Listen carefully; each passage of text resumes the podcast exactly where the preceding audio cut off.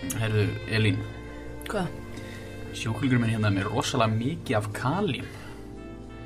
Kalím? Býtu váka með rámar eitthvað í þetta. Hvað? Er þetta ekki eitthvað sem að Runalú var alltaf að tala um eitthvað slúðis? Hvar í fjandanum komst sjúklingur minn í kalím? Veistu hvað, hvernig er þetta að laga þetta? Ég veit ekki maður. Þú setja að drenur þetta eitthvað slúðis? Komið í sæl og verið velkomin í hlaðvarpið dag átt læknaðemanns. Ég heiti Teitur Ég heiti Solveig. og við erum bæði læknar og erum með þetta hlaðvarp hérna þar sem við einbyttum okkur af klínískum meðfársefnum í læknisfræði. Og í dag er komið til okkar Gunnar Guðmundsson, sérfræðingur í lúnalækningum og Magnús Karl Magnússon, uh, blóðmenna sérfræðingur og prófessor í lifjafræði við Háskóla Íslands. Og þessi þáttur er, er einmitt einn af, af þeim sem við höfum tekið í samráði og og hérna í samvinnu við Læknadeild Háskóla Íslands þar sem við erum að einbytta okkur að um, þriði ás lifjafræði nefndum en Eða það er að segja, já, þriðjársnefnum sem eru í kursi í lifjafræði. akkurat, akkurat, já, einmitt í læknsveið en auðvitað náttúrulega hefur þetta þessi þáttur víðari skýrskotanir Akkurat. og bara verið velkomnir Takk fyrir.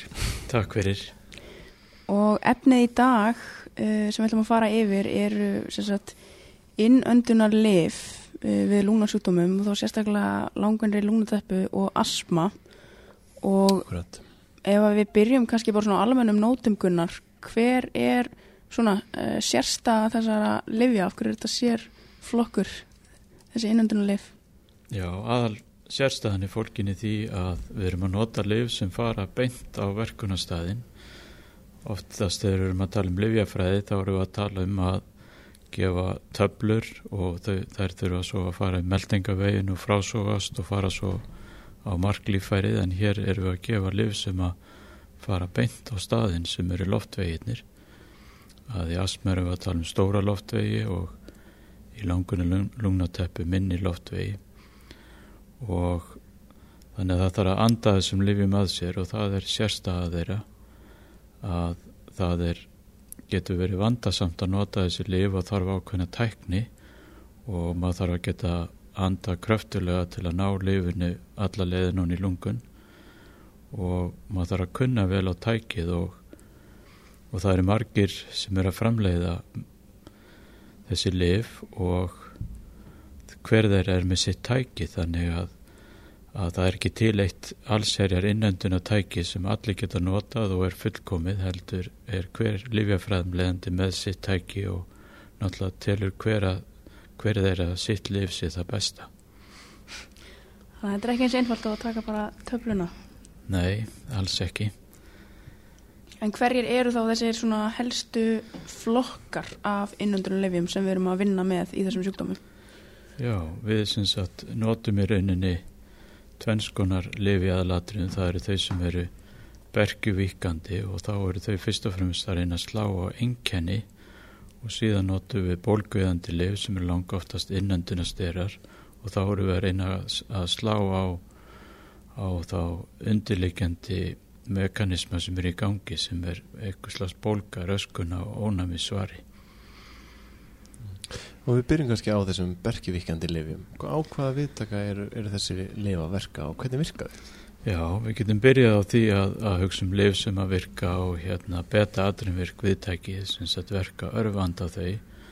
að eins og við minnum eftir að þá er, er sympatíska taugakerfið, það er í, í bergjónum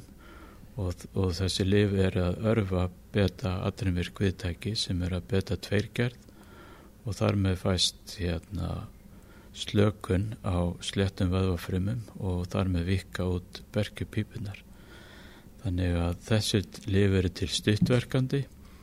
og langverkandi þessi beta-atrinvirku lif og stuttverkandi þá erum við að tala um að þau virki í fjóra til sex tíma og þannig að þau eru ekki heppileg til þess að nota stöðu til þess að ná virkni allan sólarringin heldur eru þau meira svona til þess að fá virkni hérna til þess að nota í stuttastund og þau eru líka fljót að virka þannig að það tekur bara nokkra mínútur fyrir þau. Þannig að þetta eru lif sem er heppilegt að nota þegar maður vil fá skyndilega bergjuvíkun. Og það getur verið til dæmis ef maður er með ónami fyrir köttum og er útsettu fyrir þeim og finnur að það kemur yfir mann asma enkennin að þá getur maður soga þetta að sér og fær strax virkni eða þá maður er með áreinslu asma og þá getur maður tekið þetta áður heldur maður leggur á stað til dæmis að, að skokka eða fara í einhverja líkamlega áreinslu þannig að þetta er helsta nótkunn á stuttverkandi livjónum og það skiptir ekki höfum áli til dæmis hérna, hver, hvaða er sem kemur asma einkennanum á stað að ef þú ferð út í kulda ef þú ert með kattarónami og ert með grasónami það skiptir ekki höfum áli það, þetta hefur alltaf þessa bergjuvíkandi áhrif. En það er mikilvægt að mun eftir að þessi liv eru bara að slá enginni, þeir eru ekki að gera neitt í sambandi við undirlikjandi mekanisma í í sjúkdómnum. Og síðan eru við þá með langverk langverk beta aðrunverklif og þá er munurinn á þeim að þau virka frá 12 upp í 24 tíma. Þannig að þau eru heppilega ef maður vil fá langtíma bergjuvíkandi áhrif það sem að endast allan sólarhingin og hvenar getur það verið heppilega til dæmi sem er með enginna næturlagi þá er það mjög mikilvægt. Og, og líka til dæmis fyrir þá sem eru þá sem eru kannski reyfingu allan daginn vilja fá ekki bara að fá bergivíkun í, stuttan tíma heldur, heldur allan daginn. Og síðan hafa þessi liv ákveðin svona samlegaðar áhrif með innúða styrum svo við getum aðeins rættum betur og eftir við koma þeim. Þannig að þetta eru svona beta aðrumvirklif og svo eru við með andkólinvirklif og þá er eins og nafni bendir á að þau eru að þau eru sagt, viðtaka hamlar fyrir kólinvirka kerfi þannig að vakustögin kemur úr miðtögakerfinu og fer viðum líkamann og þar á meðal í bergjurnar og þau og það sem hún gerir er að hún viðheldur alltaf svona ákveðnum tónus þannig að það er alltaf ákveðin samdráttur í bergipíbónu svona í grunninn. Og það sem að þessi lif þá gera að þau virka á M3 viðtakana sem er á sléttu öðafrimanum og þar með slagnar á þessum hérna á, á hérna sléttu öðafrimanum og þær og þá vika bergipípunar út. Og þessi hérna mekanismi, þessi grunn svona samdráttur að hann er lang þýðingamestur í þeim sem eru með meiri teppu og sérstaklega í langvinnri lungnateppi þannig að þessi liv gera hafa mestan árangur í, í langunni lungnateppu og en eru stundu notið í asma líka sem er svona á hærja stígi Þannig að þetta eru svo það er ofta að vísa þetta sem lapa og sapa, lapa þá langvirku beta-agonastunir og sapa skamvirku beta-agonastunir þetta er mjög gaman á svona lifjaheitum sem að rýma sko. Já og lama það er þá hérna andkólinvirku lifin og svo er, getur við bætt við einum flokki ens það eru til líka stuttverkandi hérna andkólinvirk lif Þá sama. Sama. En okkur alls ekki saman um þau. Einmitt. Myndi sko, þá aðtróend verið eins og í þeim flokki? Já, einmitt, það, þá er það virkar hérna, virkar fljótt en virkar í stuttan tíma þannig að það þarf að taka það fjóru til sexunum á dag meðan að langverku lefin er tekin einu sinni til tvísar á dag. Einmitt. Þannig í rauninni í báð þessum lefaflokkum þá eru við að, að reyna að slaka á þessum, þessum slettuðafrumum Já. Og gerum það sagt, mér finnst alltaf gott að muna það sko, með beta-agonista að það væri þá, þú veist, ef maður væri að fara út að hlaupa eða svo leiðist og þá er sympatíkuski gangi. Mm. þá meikar sens að maður vilja fá auki loftflæði og það meikar sens að með beta, með, með sympatíska kerfinu að þá myndi það slaka á. Mm -hmm. Já, það er hárið Já, þá varst mér líka svo áhugaverð sko, ég manni, ég læði ekkert í manni masma eða mitt á nóttunni þá eru, þá eru hérna loftveginni þrengstir það er ekki rétt og það er þá út af því að þá er parasympatískur í rauninni í mestum svona í, sagt, það nær þá yfirhöndinni á mótið sympatíska kerfinu svona kannski klukkan fjögur á nóttinni er það ekki? Jú, það er að hluta til og svo náttúrulega bara við erum náttúrulega ekki að reyfa okkur neitt þegar við liggjum út af þannig að, að öll reyfingin þegar við reynum eitthvað á okkur þá fara verður ákveðin bergjuvíkun svo við getum brúðust við áreinslu með því að anda hraðar og ná, ná meira lofti honni í lungun. Akkurat, þannig að þetta er þessi annar stóri flokkurinn, berkjúkandi lif og þá er kannski næst væri að taka fyrir bólguðandi lifin og sterana. Já, að það er mjög vel þekkt að það er mjög hérna kröftu bólgu svörun í asma í berkjupípanum og það er svo kallið svona TH2 svörun. Að þá eru við að tala um að þar koma við sögu hérna bóðefnins og interlúkin 4 og 5 og interlúkin 13 og eosunofíl frumur eru mjög mikilvægar þar og það sem að innúðast er að gera eru inni hafa áhrif á þetta þetta borguferli og það sem að gerist í bergipípunum það er ekki bara að séu frumur ónæmiskerfisin sem koma inn heldur reyni eru allar frumur á staðnum sem að taka þátt í þessari bólkusvörin þannig að sléttu vöðafrumuna þær fara að draga sér saman og endotelið þær hérna það fyrir að leka æðarnar þannig að það myndast bjúur og epitelið það hérna losnar í sundur verður ekki heilsteft lengur það tapar bifhára eiginleikonum og slimmyndandi kirtlarnir fara af stað og mynda óðurlega mikið slím og til viðbótar þá verða taugarnar óðurlega næmar þannig að það er að hluta til hósta viðbreðin sem koma þannig að það fer gríðarlega stórt og mikið svona bólgusvar af stað. Og það sem að sterarnir hafa svo góða eiginleika er að þeir slá á allt þetta. Þannig að, að eosunafílar eins og við þekkjum eru sérstaklega næmir fyrir áhrifum stera. Og í rauninni hafa sterarnir semst áhrif á alla frumur ónæmiskerfisins sem koma við sögu. Það er hann að basofíla líka það eru T-frumur og B-frumur og allt þetta er verður fyrir áhrifum að sterunum. Pluss að frumundar sem vorum að nefna á þann er í lífæranum að epitel frumundar, endotel frumundar sléttu vöðvafrumundar þetta hefur áhrif og þess vegna eru styrar svona langa upplugasta lifi sem við höfum í dag almennt í asma þar af því að þessum viðtæku áhrifum. Og með því að gefa það svona eins og við erum að gera að, að þetta komi beint á staðin að þá fáum við þessi hérna, áhrif án þess að fá allar þær aukaverkanir sem við getum fengið að styrum við þekkjum öll hvað það er að, að þegar við gefum styra í töfluformi auðvitað er það gott ef við þurfum á því að halda til þess að ná þeim um allan líkamann en þannig erum við bara að leita eftir þeim í berginnar og þá sleppum við allan þennan langa lista af aukaverkunum eins og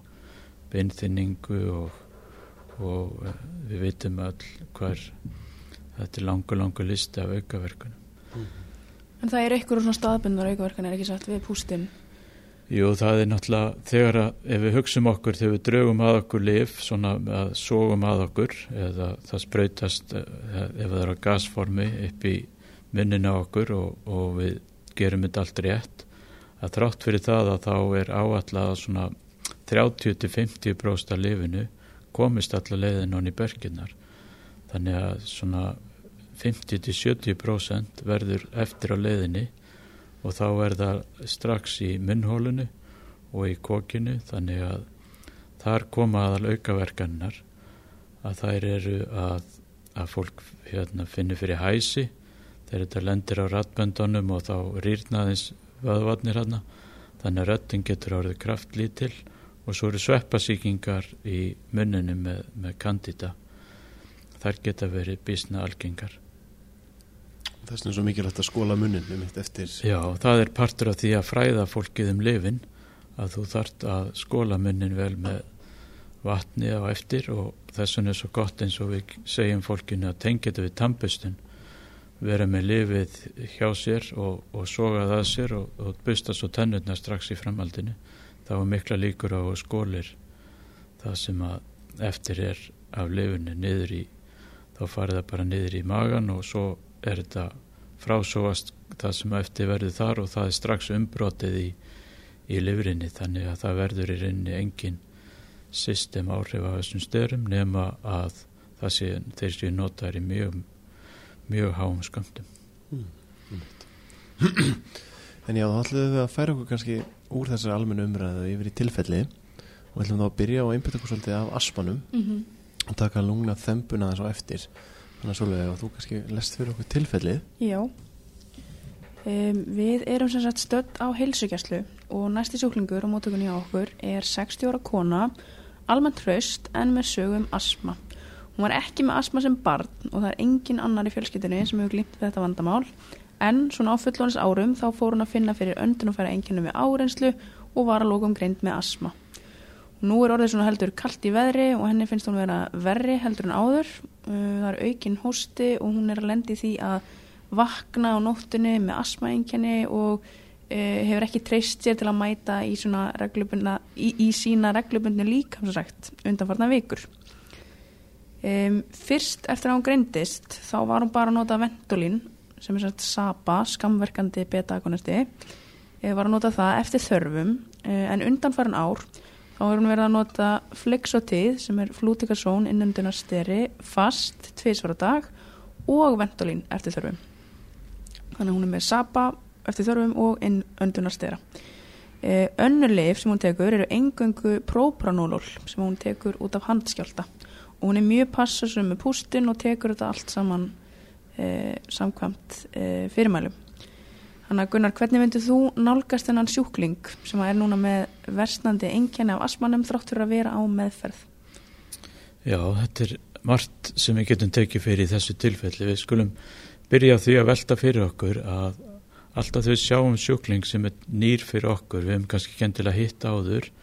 að þá þurfum við að vera alveg vissum, er þetta asmi? Að það er fyrsta spurningin, það er enkenni asmeru til til ósértæk og geta verið í mörgum öðrun sjúkdómum. Þannig að það þarf að passa sig á að, að, að þetta sé rétt greining. Og það er náttúrulega og stundum er hefur fólki bara reynlega verið sagt út frá sjúkrasögu að það sé með, með asma en mér finnst alltaf betra að reyna staðfestan með einhverjum prófunum og, og þá geta líka verið að útiloka aðra sjúkdóma. En við hugsun bara hvernig við getum greint asma að þá náttúrulega er fráblástuspróf, spírometri algjörlega nöðsynleg en það má ekki gleyma því að hún getur verið bara alveg eðlileg asma, það er alveg alveg möguleik en ef hún er óeðli þá er það svo kvöldu teppa þar sem það er meiri lækkun á, á FFF1 heldur en FFC og hlutfalli þá hann á milli verið skert Þannig að það var í fyrsta próf og ef að það er eðlilegt þá getur við gefið gert spírometrina fyrir og eftir bergjuvíkandi lif og ef að verður breyting sem við tölum ofta um að sé 12% eða 200 millilitrar lámarki á FF1 þá teljum við það verið jákvæmt próf. Og síðan getum við heft, hefur við nokkuð fleiri próf að við getum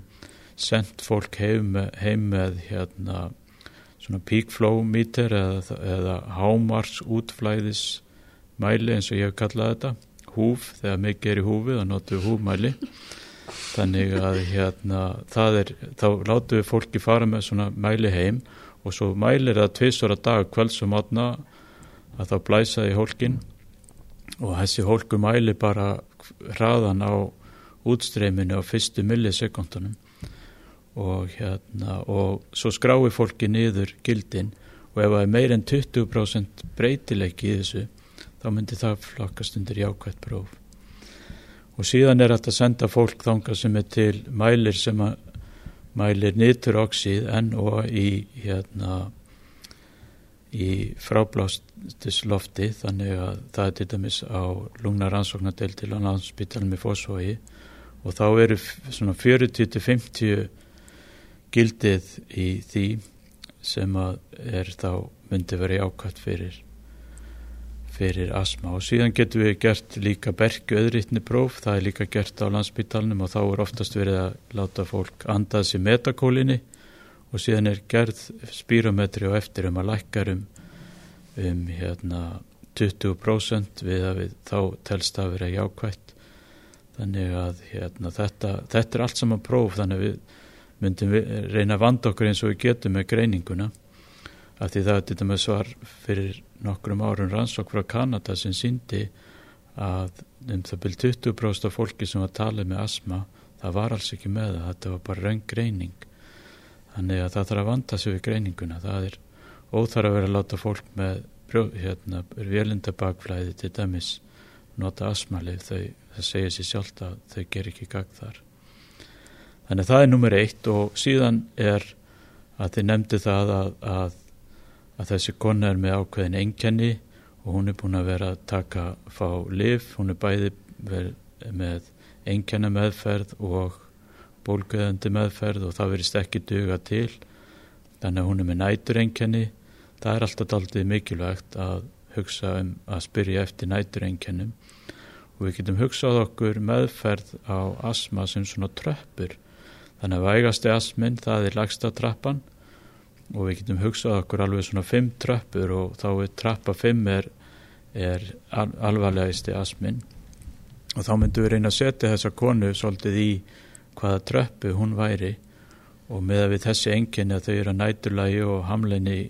líkamsrækt þá myndi hún allavega að fara í tröppu nummið þrjú. Og það sem þessar tröppur gera er að þær hérna, segja okkur til um hver meðferðin á að vera, hversu mikilun á að vera eftir því í hvaða tröppu fólki er. Og það sem er sérstaklega líka við asma með marga aðra sjúkdóma er að, að fólk fer upp og niður tröppunar og þannig að fólki er sjálft að auka og minga lifin eftir því hversu enginn er mikil. Og þetta gerir enþá meira segir okkur enþá betur hvað er nöðsynlegt að fræða fólk sem er með asma því það þarf að fræða það um þetta. Ef þú ert með háan blóþrýsting þá tekur bara alltaf sömu töflunar hverjum degi, þú ert ekki að ræri í því. En hérna ert að, bre að, bre að bregðast við með smiklum engjani með því að, að minga það auka meðferðina. Þannig að ef við hugsaum aðeins nánari með svo tröppur að þá í tröppu eitt það er þeir sem eru með vægast asman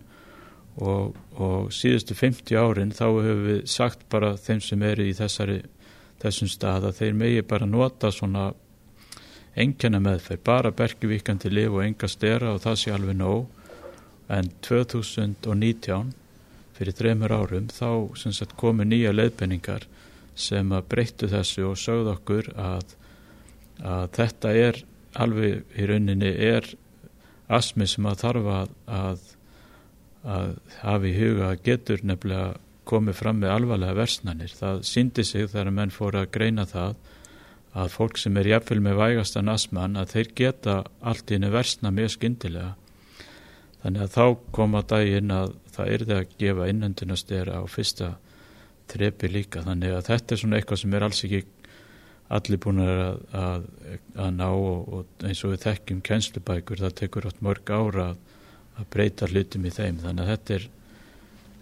En, en þessi kona er hérna, hún er ekki á fyrsta stíu, hún er með meiri enkenni þannig að þá þurfum við að hugsa um að hvað var í meðferðin í næsta þreppi hún væri þá innöndunar steri að jafna því og svo eitthvað bergjuvíkandi með. En ef við förum aftunur á fyrsta þreppi þá er hægt í rauninni að, sem er nýjung líka það er að,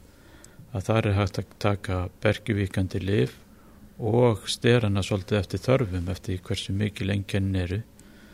Og, en það er bara eitt og þá þarf þetta að hafa blandað liv með langvirku beta aðrunvirku og innuða stera. En og það er þá bara eitt af þessum langvirku beta aðrunvirku sem er sem er hérna nótæft í það. Það er formóteról. Það er vegna þess að það hefur svo skóta virkni, það er bara komið virkni eftir 2-3 mínútur alveg eins og stuttverkandi lifin meðan að önnur lifi þeim flokki tekur upp í 20-30 mínútur að virka. Og annað er að þessi lif hafa svona skamtabundin áhrif þannig að, að það er hægt að bæta við meðan að meðan eins og salmetról að það hefur bara einn ákveðin skamt og þú getur ekkert bætt við virkni eftir það. Þannig að fyrsta stig er þá í rauninni núna Saba og nei það er rauninni innúðasteri og annarkort Saba eða formótelur eftir þörfum einmitt. og ef þú ætla að taka þarna innúðastera og formótelur sem er þá langverkandi lappa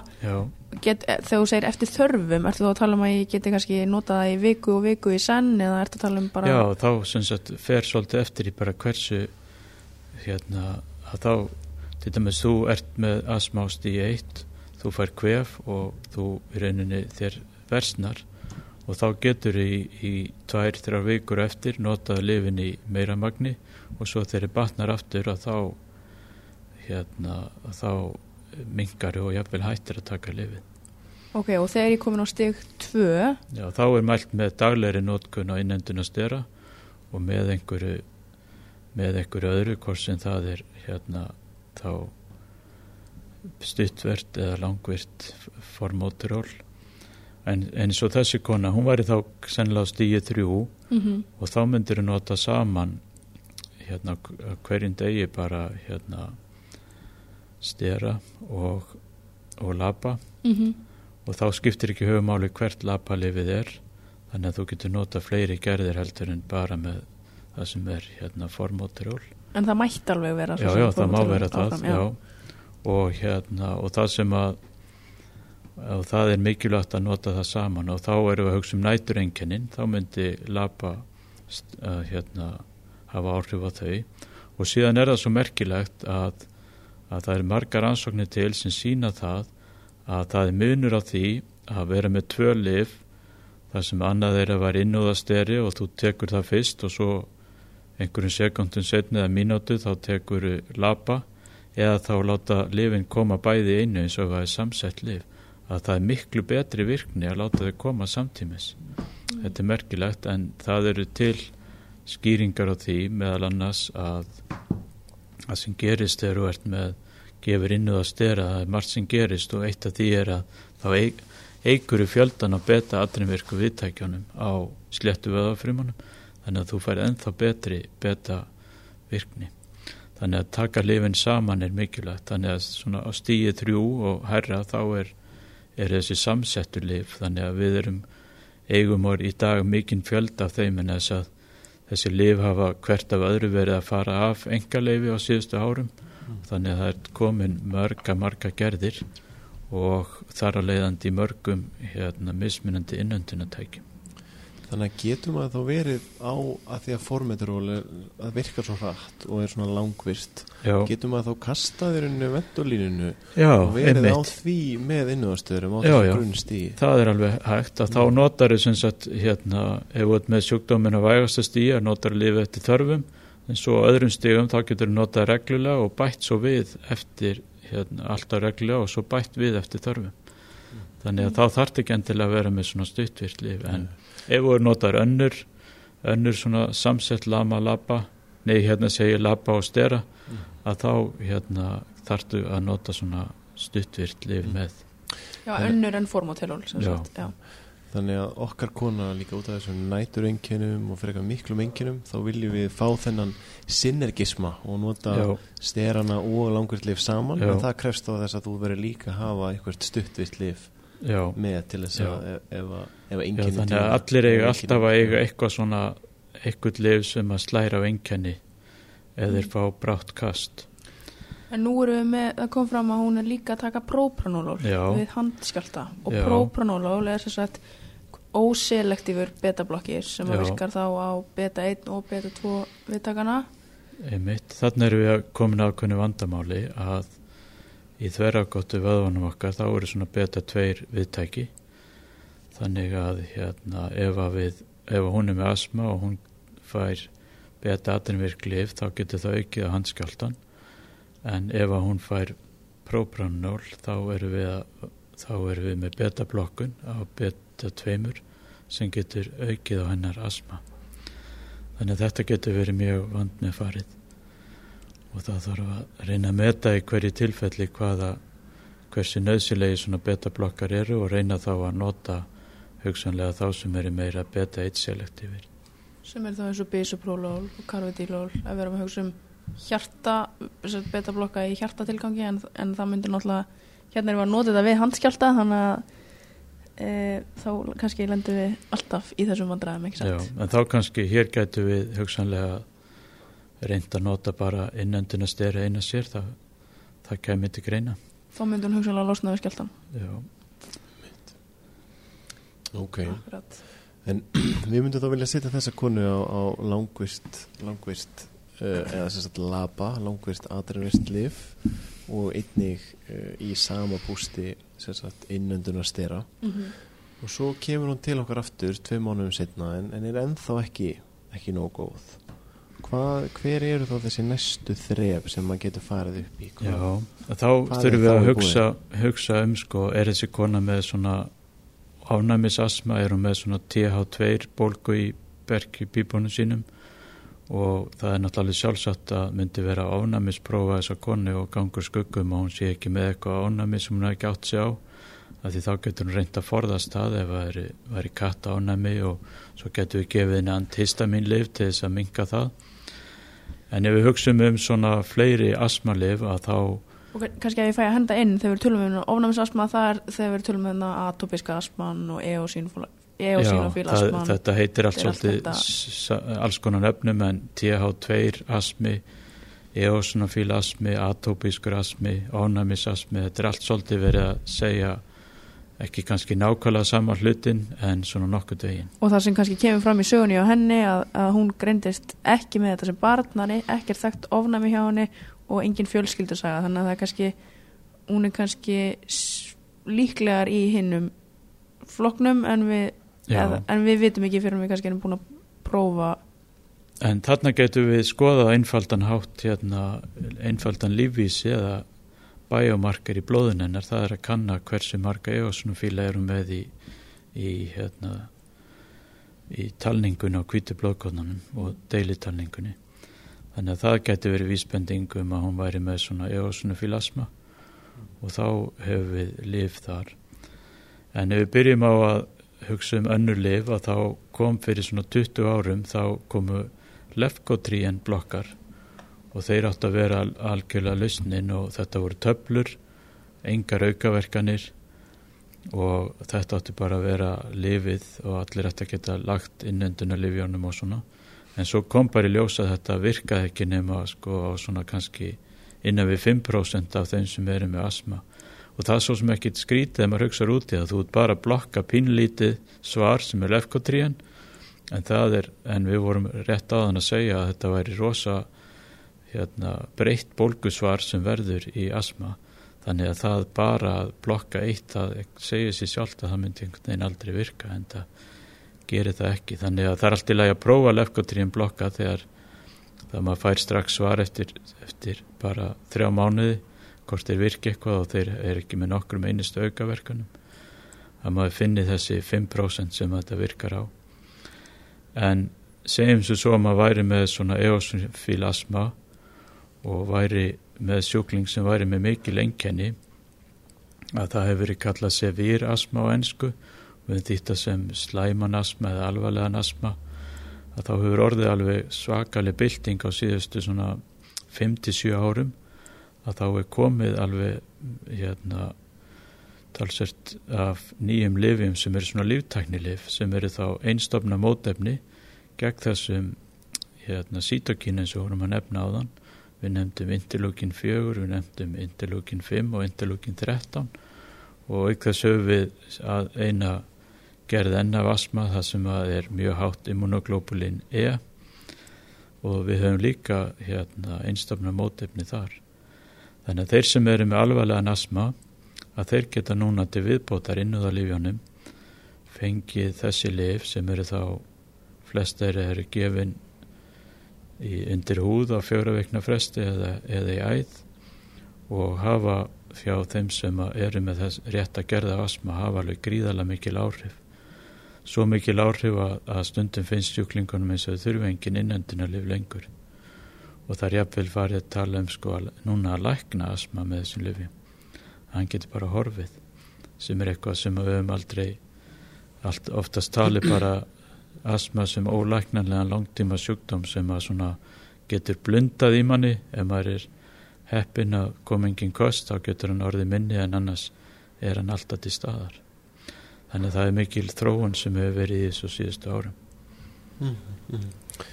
Þannig að ef við tökum þetta saman bara svona stuttlega hérna í lokin áður við færum okkur yfir í lungna teppuna þá erum við með sagt, annars vegar meðferðin sem snýr af enginum sem eru þá þessi berki víkandi lif sem eru þá aðalega beta-agonistar og eru að leika á aðrinska kerfið þykjast vera í einhvers konar árenslu og vika berkjunar þannig. Og svo er það lifin sem að áhrif á frangang sjúkdómsinn sem voru þá frekar steratnir og í grunn meðferðinni þá eiga allir að vera með stera í rauninni óháði hversu slæman asmaður eru með. En uh, einungist þegar enginn orðin þeim mun meiri að maður eigi að, fara, að hafa þetta samsett í einu innuða pústi og svo eru greinilega komin þannig þessi, þessi líftækni lif uh, til þess að hjálpa okkur í þessum rosalega erfiða asma og þá helst í þessum ef ég nota þín orkunars TH2 Já, asma, þessum atopíska asma og það sem erum með þessi interlefkin sem, sagt, sem eru sem sagt, ó, svona spilarar ónæmiskerfisinn sem miðla þessu bólkusvari og eru þá að reyna að hindra þetta bólkusvar og eru þá dæmi um það að fólk bara læknist af asmanum og getur bara hægt á öllum Já, lyfjum þetta er þetta er orðið nefnt þegar maður heyrir menn vera að lýsa þess á þingum þá eru menn að, að lýsa sinni reynslu af þessu að það sé bara mjög hérna, getur verið að, að asminn geti nánast bara horfið Akkurat. Mm. Magna. eh, erum við með eitthvað leiðir til þess að reyna erum við með eitthvað leiðir Gunnar til þess að reyna að spá fyrir um það hvaða hvaða sérhefðu líftæknarlif passa hverju sjúklingi fyrir sig já, það er hérna þannig er ég er nú ekki alveg sérfræðingur í þessum nýju livjum þannig ég get kannski ekki nákvæmlega sagt þetta til um það en, en þeir sem hafa orðið mestu reynsluna þeir geta hérna nýtt sér ákveðin atriði í, í sögu og, og svona sjúkdómsgangi og, og öðru til þess að geta sagt til um hvaða, hvaða þessum livjum er hægt að nota. En það er einmitt eitthvað sem okkur vantar svolítið betur, það er við höfum þennan lífvísi biomarker sem eru eosnofílandir en okkur vantar eitthvað svona meira sem við gætum hérna gætum notað í þessu sambandi. Akkurat og þetta er það sem við erum að sjá kannski oft. Við erum með dýrlif sem duga vel fyrir afmarkaða hópa en oft á tíðum eigum við erut með að vita hverji það eru sem til eru þessum afmarkaða hópi. Akkurat, er það ekki þetta sem heitir að vera sérfræðingur? Akkurat. Uh, en ef við skiptum það aðeins um kúrs og förum yfir í langvinna lúnateppu, uh, við höfum áður tekið þátt Gunnar þar sem þú komst og talaði um langvinna lúnateppu, en núna lang, Vendum bara öllum hlustendum og, hlusta þann þá mjög góða þáttur, ég var með að hlusta á hann í gær. En okkur langar núna til að skerpa aðeins á meðferðstíðunum við langvinna, langvinnri lúnateppu og ef við kannski áttum okkur þá líka aðeins á muninum á asma og, og langvinnri lúnateppu að þá í asma þá erum við með sjúkdóm sem er í stórum loftvegum í bergjunum, við erum með króniska bólgu sem að veldur þá svona bergju auðreitni og bergju samdrætti og kannski leikilatri að þetta er svolítið breytilegt ástand og að teppan í asmanum er, getur verið afturkræf. Uh, en í langur í lúnateppu þá erum við meira með óafturkræfar og, og svona progrederandi þar að segja já, getur versnandi breytingar þar sem að er krónisk bólga, aukin slímframleiðsla og í rauninni eh, eyðing á loftvegum og, og þá er þessum litlu loftvegum alveóli. Bæði, bæði minnstu bergjónum allt frá terminal bronkjóli og svo niður í alveóli eða lungna blöðrunar, þar verður eðilegging þannig að þetta er alveg hárétt hjá þér að, að, og það sem við þurfum að hugsa um líka að svo bólga sem er til staðar að hún er ekki sama og eins og er í asma við erum að tala um í asma þá er þessir hérna allar þessar frumur hérna ónæmiskerfisins eins og basofílar, eosunofílar, T-frumur að þessar frumur er ekki til staðar í, í langunni lungnateppu heldur eru við þar fyrst og fremst með neftrofílabólgu og, og hérna, makrofaga og neftrofílanir eru með alla sína próteasa sem eru að eigða lunganum að skemma þau. Og jáfnvel þó að maður sumir eru þann óhefnir að jafnvel þó að þeir séu hættir að reykja þá halda lungun þeirra áfram að skemmast það er svona það sem kallað hefur verið systemic inflammation eða kerfisbólka í þessum sjúkdómi og líka, líka í lungunum sjálfum. Þannig að þessi, bólk, þessi hérna, eðilegging getur haldið áfram hjá sumum.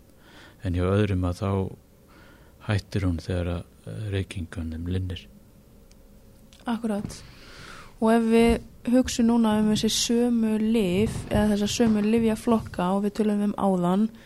þar að segja berkivíkandi þarna betagonistana og, og andkólinergur lifin annars vegar og svo e, á hinbóin sterana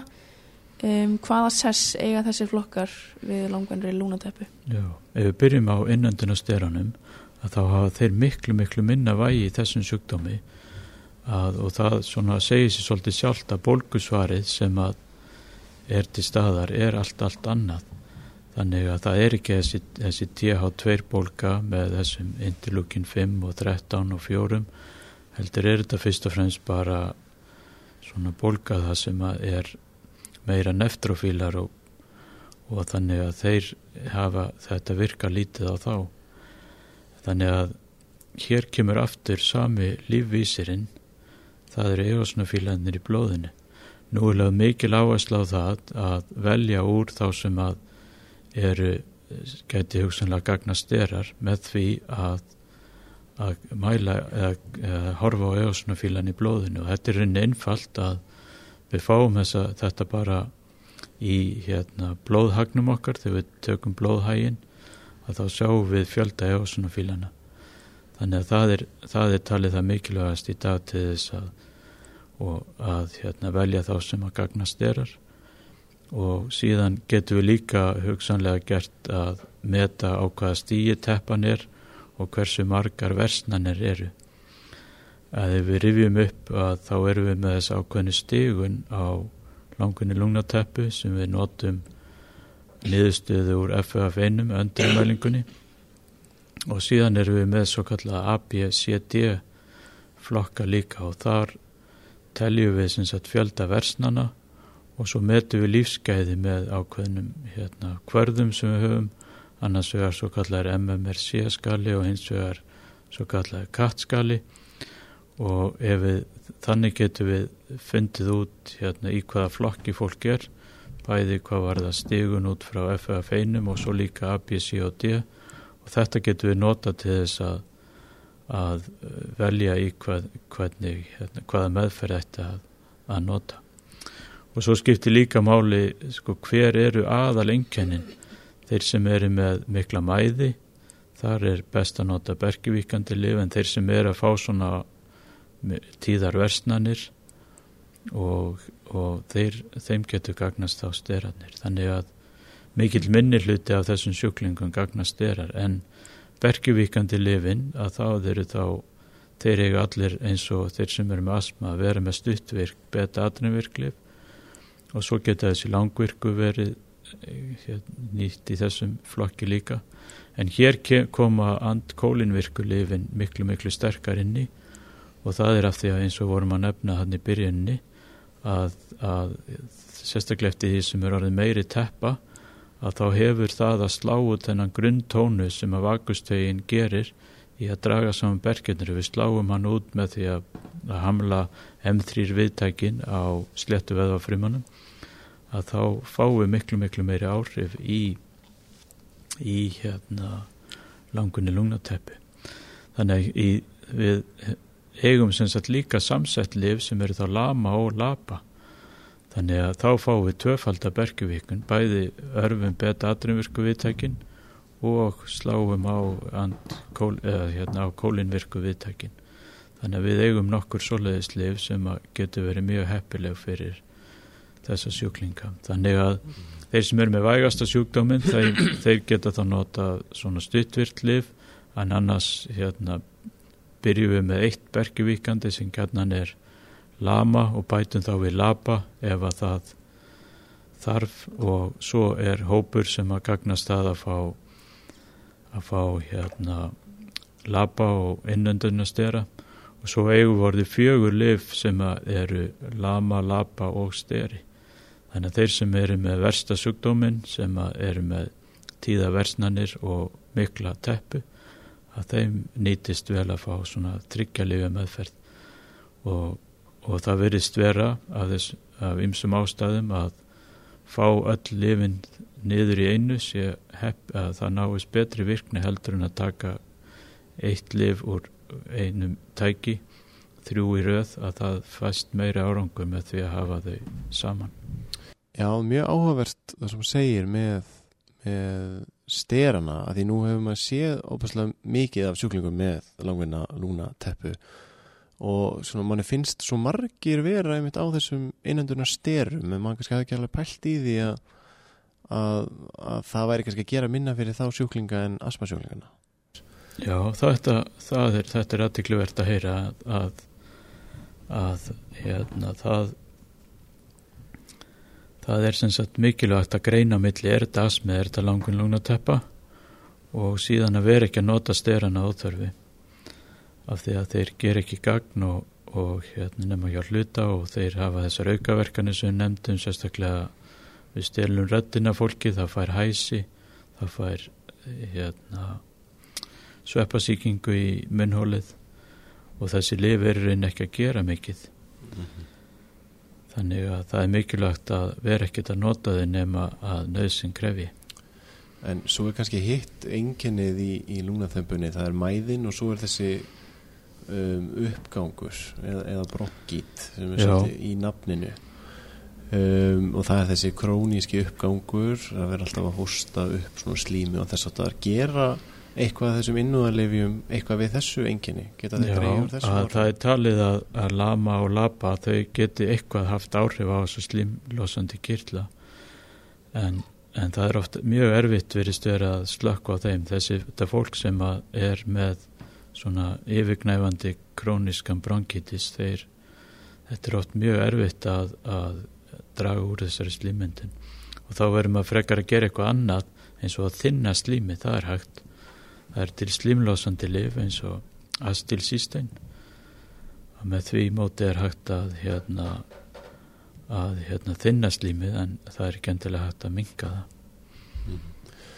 Og svo langar við kannski að bæta við hérna, sem þú komst inn á hérna í, nei, hérna, í, í þættinum okkar sem var tilengaður langur í lungnaþempu því vorum að tala um framgang sjúkdómsins áðan í, hérna, í asmanum að þá er það ekki reykingarnar það ekki? Það eina sem það, það er að stopp að hætta reykja. Það er eina sem hindrar framgangin þannig að þessi púst eru bara enginn stillandi í síðan Akkurat það er það sem er svo mikilvægt að mun eftir að hérna Þetta er svona ómað í hausnum á mér að það er hérna að það er og það er allt betur en að reykja þannig að það er hérna eða það er alltaf við, við skulum hafa samúð með sjúklingunum okkar að nikotín fík getur verið alveg ótrúlega sterk og það er bara til fólk sem getur ekkert losa sig undan nikotíni Þannig að það sem við höfum að leiðbænaði með, ef þeir geta bara ekki með nokkru móti losnað undan, þá eiga þeir ekki að reykja, heldur eiga þeir að nota einhver aðra gerða nikotíni. Og það er allt skára. Þannig að þó að, að við höfum átt okkur að því að, að svona veip sé, að það sé ekki gott, að þá er það samt skára og nikotínpúðar eru skári og svo náttúrulega þessi nikotínlif. Þau eru allir hérna allt að fá nikotín á annan hátt en í síkarettinu er allt saman skarra þannig að ef við, við, við þekkjum all sjúklingar sem bara get ekki með nokkru mótin losa sunda nikotíni og þá, við, þá verðum við að, að hjálpa þeim að reyna að finna eitthvað annað í staðin Akkurat. Já og okkur langar skil aðeins að koma inn á því lókin varandi sko bráðar vestnanis ég held sko að bráð vestnun og asma sé eitthvað sem við kannski sjáum talsveit minna núna en, en, en þið, ekki alltaf segja við þið gerðið á þér um, Er það ekki miklu minna á Íslandi heldur en, já, heldur en í öðrum löndum? Jú, í fyrsta lagi að þá náttúrulega er alveg hérna, gríðarlega nótkun á þessum innönduna livjum, það eru fleiri miljardar sem að fari í þetta á ári hverju og þannig að fólk er almennt á að hérna nota þessi lif og, og þau náttúrulega það er partur af því að þau draga úr tíðni versnana. Og síðan virðist vera þannig að svona mjög alvarlegur asmi að hann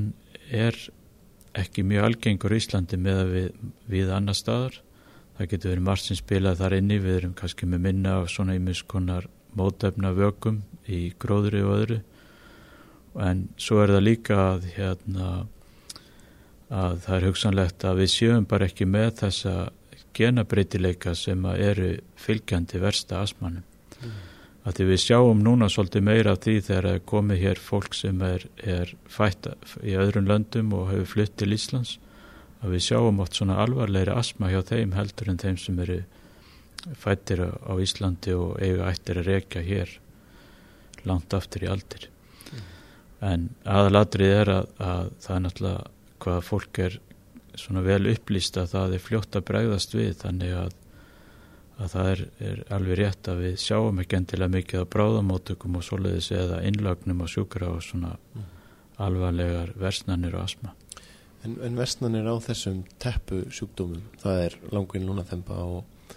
og eða lúna teppa, ég veit ekki hvort maður á að segja. Teppa. Og, teppa, og asmanum er, er, er munur á bráðuri meðferð í vestlunum á þessum sjúkdómum eða er þetta í meginatrum sami? Já, að það má einhver spyrja sig að því var ekki maðurinn að segja á þann að þessi stera gerði ekkit gagn í, í langunni lungnateppu og þannig að akkur í ósköpunum gefur þá stera í bráðri versnin og helst í töfluformi og svarið við því er, er það að menn hafa tekið síni úr bergjum þegar að fólk er í bráðri versnun og þá koma, svo, þá kemur eosnofíl bólka þegar er þessu bráðu versnanir pluss það að það myndast bjúur við sögðum áðan að, að partur af því er að æðarnar leka og það verður aukin, aukin hérna, bjúur þannig að þannig er talið að sterarni virki að þeir dragu bjú og þeir hérna, dragu úr þessar eosnofíl bólku sem kemur. Þannig er í rauninni er, er meðferðin á versnunum mjög svipuð að það er að gefa bergjuvíkandi liv og, og gjarnan í einhverju formi það sem að fæst skjótverkun ja, með hérna, stórum skömmtum þannig að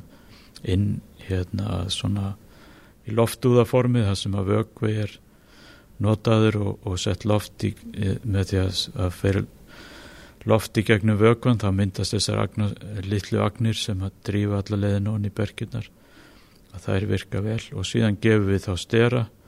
og gætnan í töfluformi í, í 5 til 14 daga.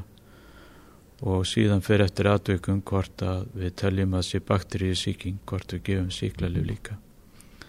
Þannig að í svona í aðaladriðin þá er, er meðferðin svipið Einmitt Akkurat, en þetta getur orðið já, þetta getur náttúrulega orðið ansið brátt e, í báðum tilfellum en svona þessi virkilega alvarlegu asmatilfelli ef að þau koma inn að þá eru það, er ekki bara satt þá er fólk bara viðvarandi með fríðarpípu og, og er að fá stera háaskamta í æð, er það ekki? Jú, það er það sem við getum gert það er að, að gefa þessi bergjuvíkandi lifi háaskamtum og, og stera en það sem er mikilvægt af því að, að það er að, að hérna, átt að segja á því að að það fólk ber ekki alltaf þennan alvarlega asma utan á sér þannig að þeir sem kom inn með bráða versnanu asma þeir líti ekki endilega mjög illa út en þeir geta orðið mjög alvarlega veikir á mjög stuttum tíma. Þannig að það þarf alltaf að taka þetta alvarlega og, og fylgjast vel með þeim. Mm -hmm. Akkurat. Það sé góð loka orð Já Við þakkum okkur þá kælega fyrir kominu Já, og sköllum góð skengis með pústin Við þakkum ykkur. Takk fyrir kærlega. Takk. Takk fyrir mig